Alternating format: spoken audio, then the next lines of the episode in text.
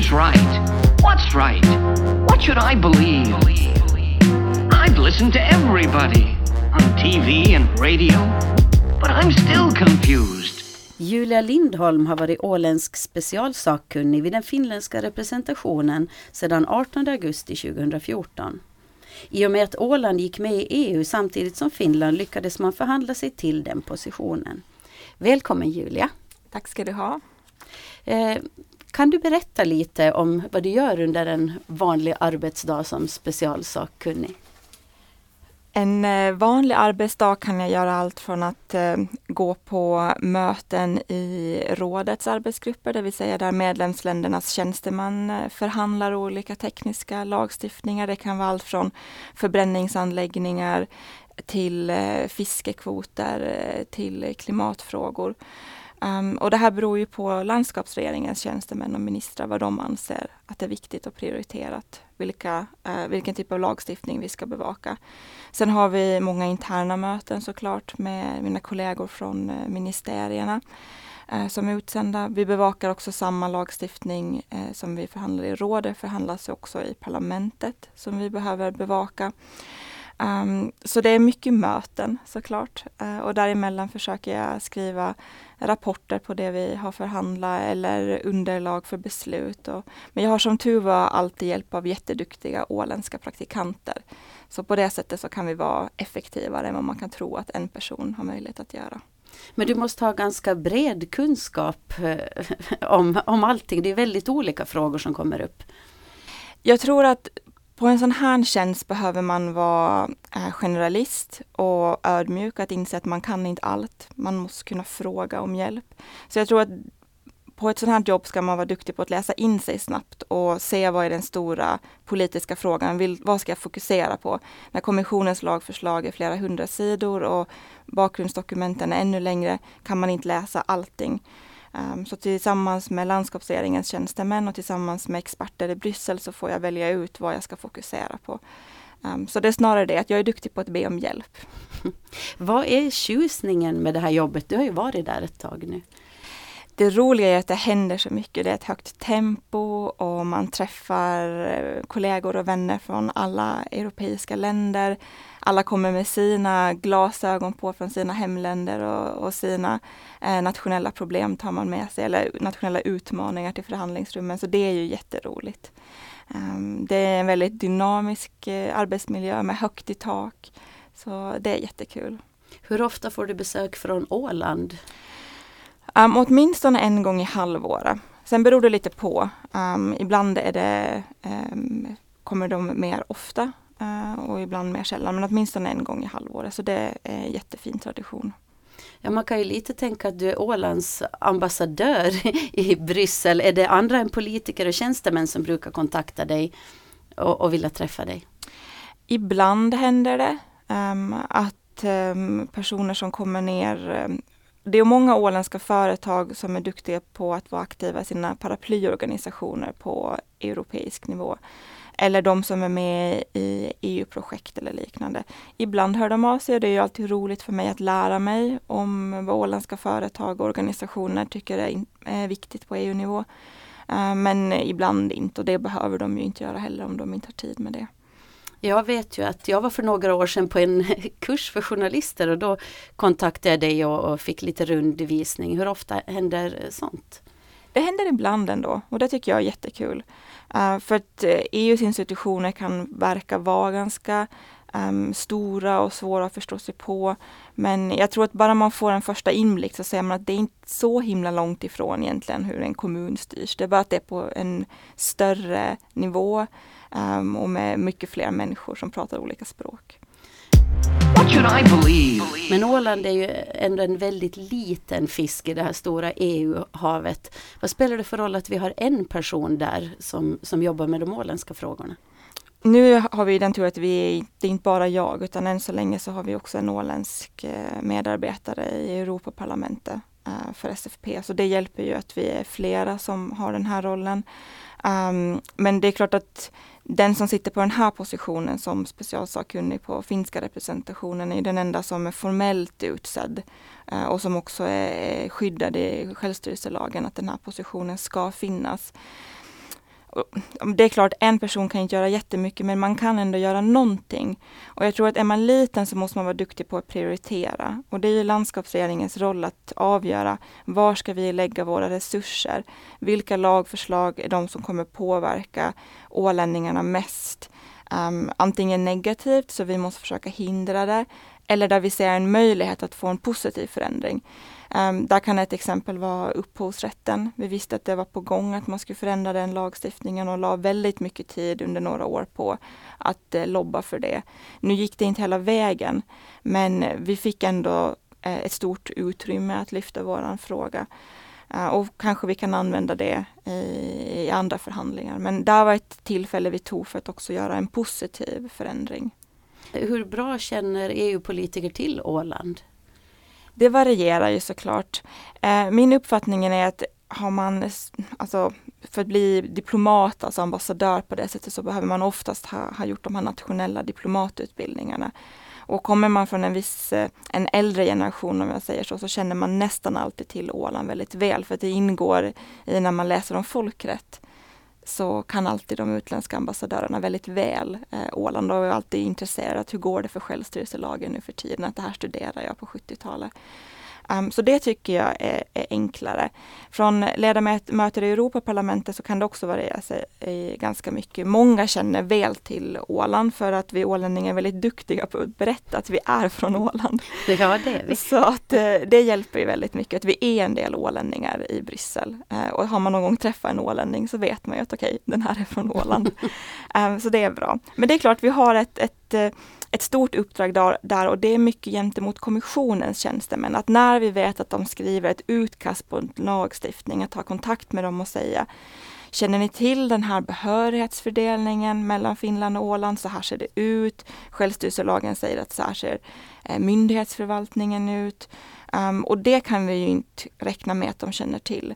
Men ibland händer det att uh, tjänstemän, särskilt inom den rättsliga um, tjänstemannakåren. Exempelvis rådet har en massa jurister som bara sitter och läser nationell lagstiftning för att se att vi inte stiftar lagar som går emot uh, vad det står i medlemsländernas uh, lagstiftning. Att de ibland hör av sig och säger nu har vi läst självstyrelselagen och vi förstår inte riktigt vad det här betyder. Och det är ju alltid jätteroligt att få svara på de frågorna. Och du klarar av att svara på det varje gång? Um, ibland och annars har jag ju jätteduktiga kollegor på landskapsregeringen som kan svara på det. What should I believe? Det är ju snart eh, Europaval, EU-val eh, e till parlamentet och eh, man har gjort en undersökning om folk tänker rösta. Kan du berätta lite om den?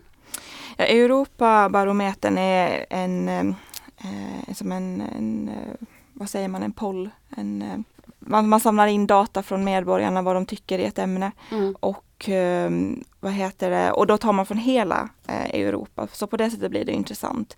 Här har vi siffror från, också från specifikt Finland, men vi kan jämföra dem med de europeiska medeltalen.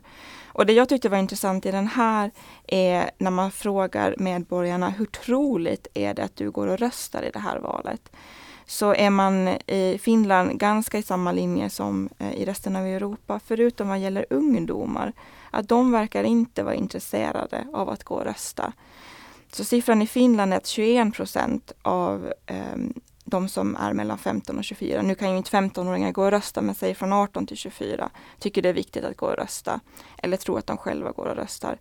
Eh, medan samma siffra i Europa är 38 procent och i Sverige var den hela 68 procent. Så att det är en jättestor skillnad där, hur engagerade eh, ungdomar är i att eh, gå och rösta. Vad tror du att det beror på? Det är jättesvårt att svara på. Det kan hända att man känner att de stora europeiska frågorna är för långt ifrån en själv eller att man tycker inte att de är viktiga. Eh, just för oss i Sverige är ju värderingsfrågor väldigt viktigt, att man kanske ser högerextrema eh, populistiska partier som ett större hot mot de svenska värderingarna. Eller så är det någonting annat som var aktuellt just då när man ställde de här frågorna. Det är mm. svårt att säga. Men vilken åldersgrupp är det som är, är det mest troliga att gå och rösta då, i Finland? Um, det är de som är, är, lite äldre, mellan 40 till 54 och de som är över eh, 55. De säger till, till eh, ungefär hälften av dem tänker gå och rösta. Mm, men det är ändå bara ungefär hälften? Precis.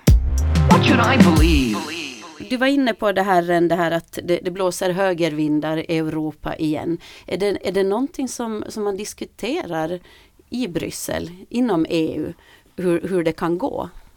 Det är ju klart man gör, precis som i nationella val så sammanställer man då eh, på europeisk nivå opinionssiffrorna. Att hur kommer det gå för de olika europeiska partierna?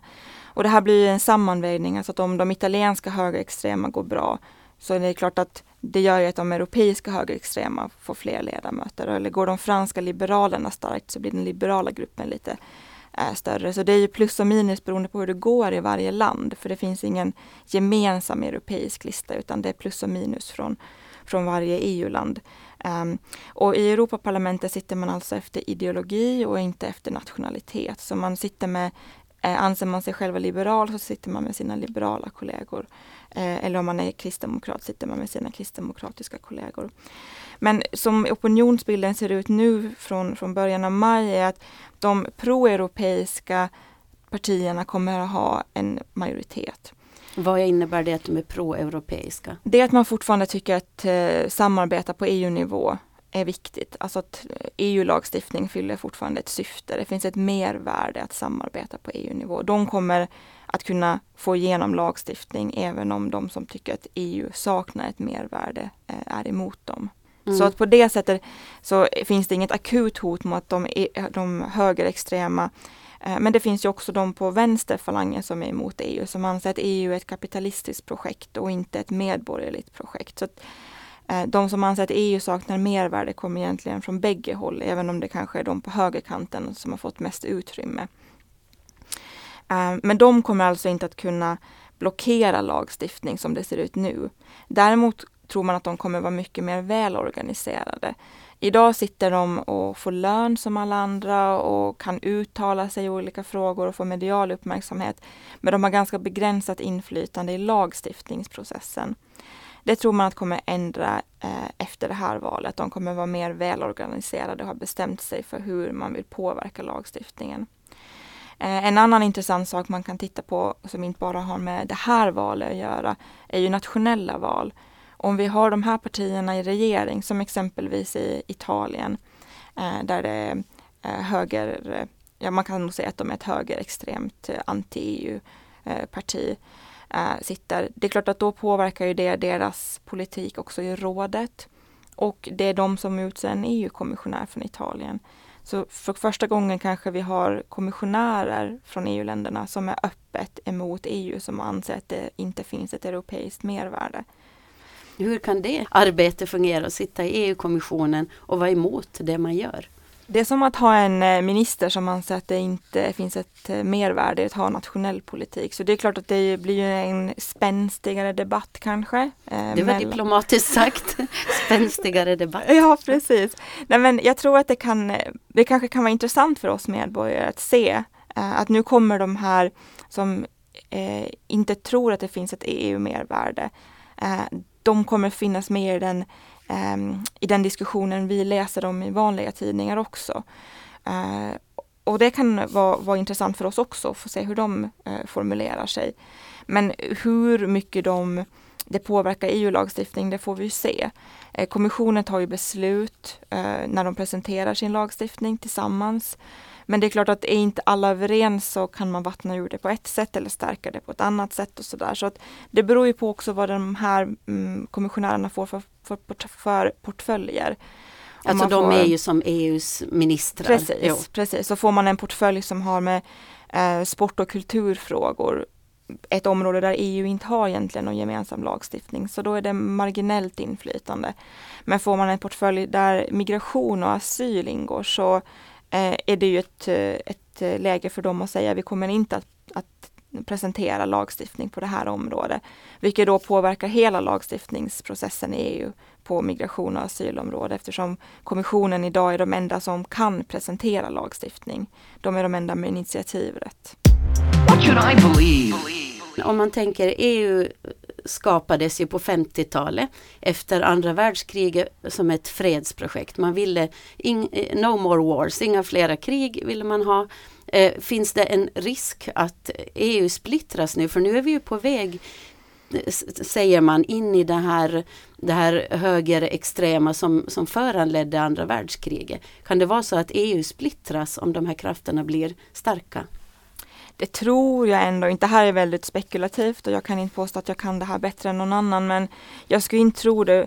I Bryssel säger vi mycket att EU utvecklas genom sina kriser och det har ju varit gott om kriser och gott om möjligheter att splittras och där har man varit duktig på att att gå ihop och ändå säga att vi är inte överens om hur vi ska göra med vissa länders skuldsättningar som Grekland exempelvis, eller hur vi ska göra med, med euron eller hur vi ska göra i andra stora frågor som migrationskrisen som man säger då från, från EU-ländernas e sida att det var migrationskris. Så det är klart att Eh, det här hade varit en möjlighet för de länder som inte ser ett EU-mervärde att dra sig ur, men det har inte hänt. Det, har, det var en egentligen mer nationell eh, diskussion inom Storbritannien som föranledde deras eh, folkomröstning. Men eh, man tror inte eh, att det är en, en, risk utan att man ändå kommer att fortsätta samarbeta. Men det är ju alltid en, en ödesfråga för Europa att bestämma sig vad man ska göra att hur ska man vara relevant för EU-medborgaren och det är en politisk utmaning. Och det är svårt när man frågar medborgarna vad tycker ni är viktigt för EU? Några säger att ah, ungdomsarbetslösheten är för hög, andra säger ni ska inte lägga er i vad vi medborgare gör. Och andra vill att man ska satsa på klimat, vilket betyder starka eh, regler som tvingar alla länder att sluta släppa ut. Andra vill inte att man lägger sig i konkurrenskraften, det vill säga hur mycket man släpper ut. Um, så det är en tuff fråga för Europas politiker. Ja, det är 28 länder och är det, vad är det 150 miljoner invånare det handlar om. What should I believe?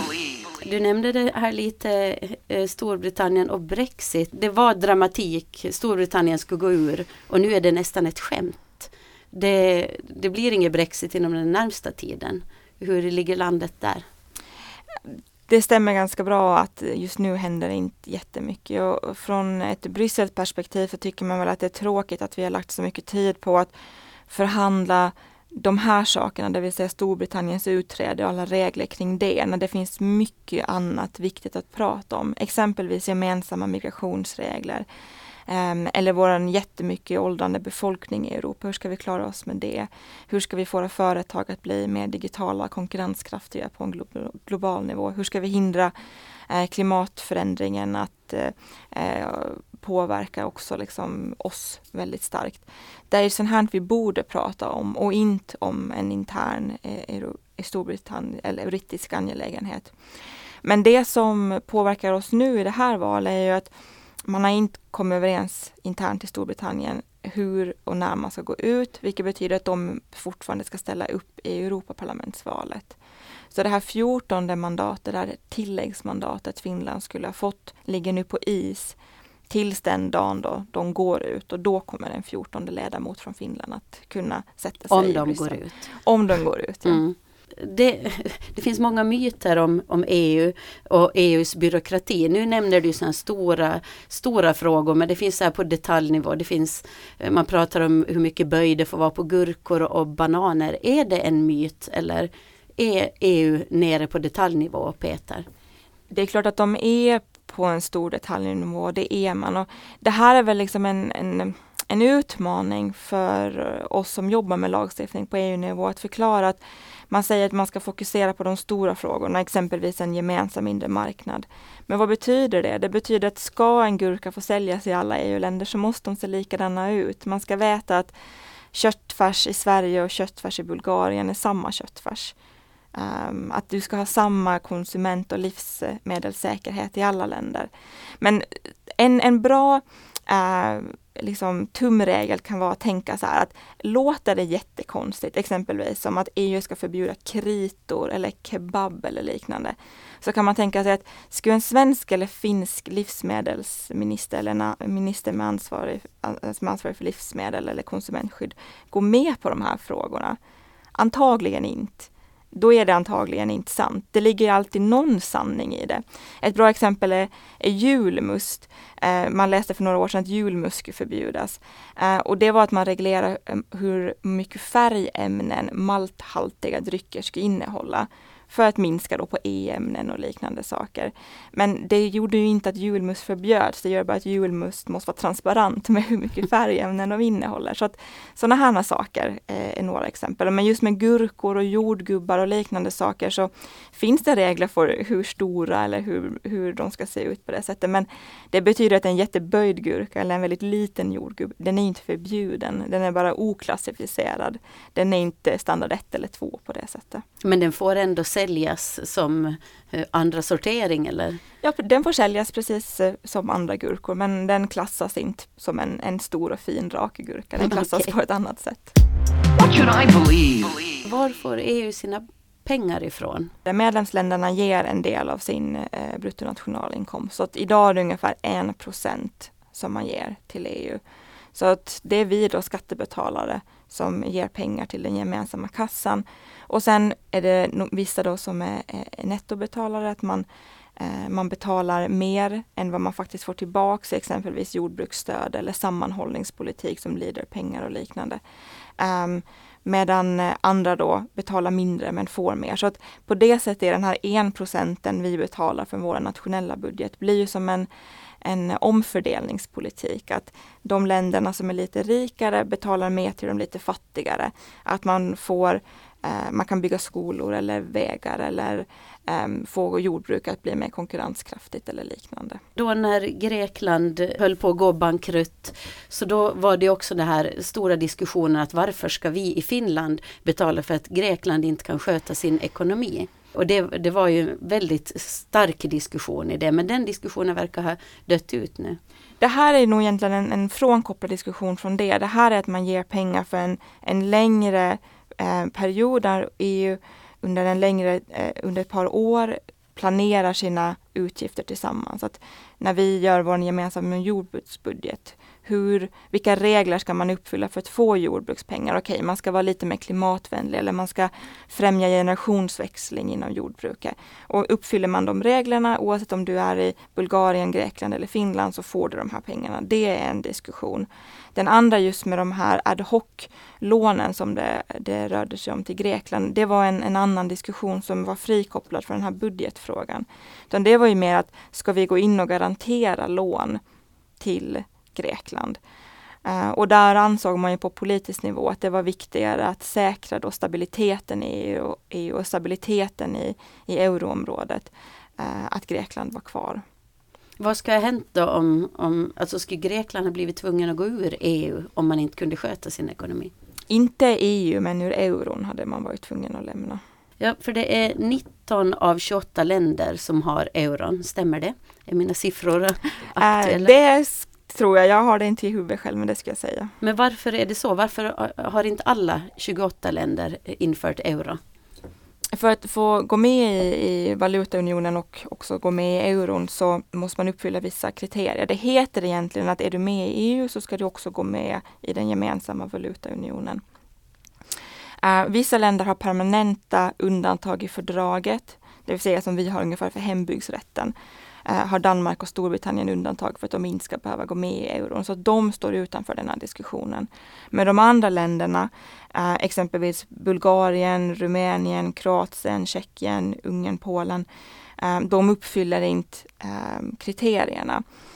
Och de är exempelvis att man ska binda sin växelkurs till euron, man ska ha en budget i balans, det vill säga man ska inte ha för stora eh, nationella skulder, man ska ha en prisstabilitet och liknande. Så att risken är då att de drar ner värdet på euron om de går med? Ja, det är lite som att gå med i EU måste man uppfylla vissa regler. Du måste respektera de europeiska värderingarna om demokrati och, och mänskliga rättigheter. Man ska ha också en god budget i balans och liknande. Så det är steg ett att få gå med i EU. Gå med i euron så måste du ha ytterligare kriterier, mer finanspolitiska. Och vissa då länder uppfyller de inte för att eh, budgeten inte är i balans eller att eh, Ehm, man helt enkelt inte har den prisstabiliteten som, som man önskar från EUs sida.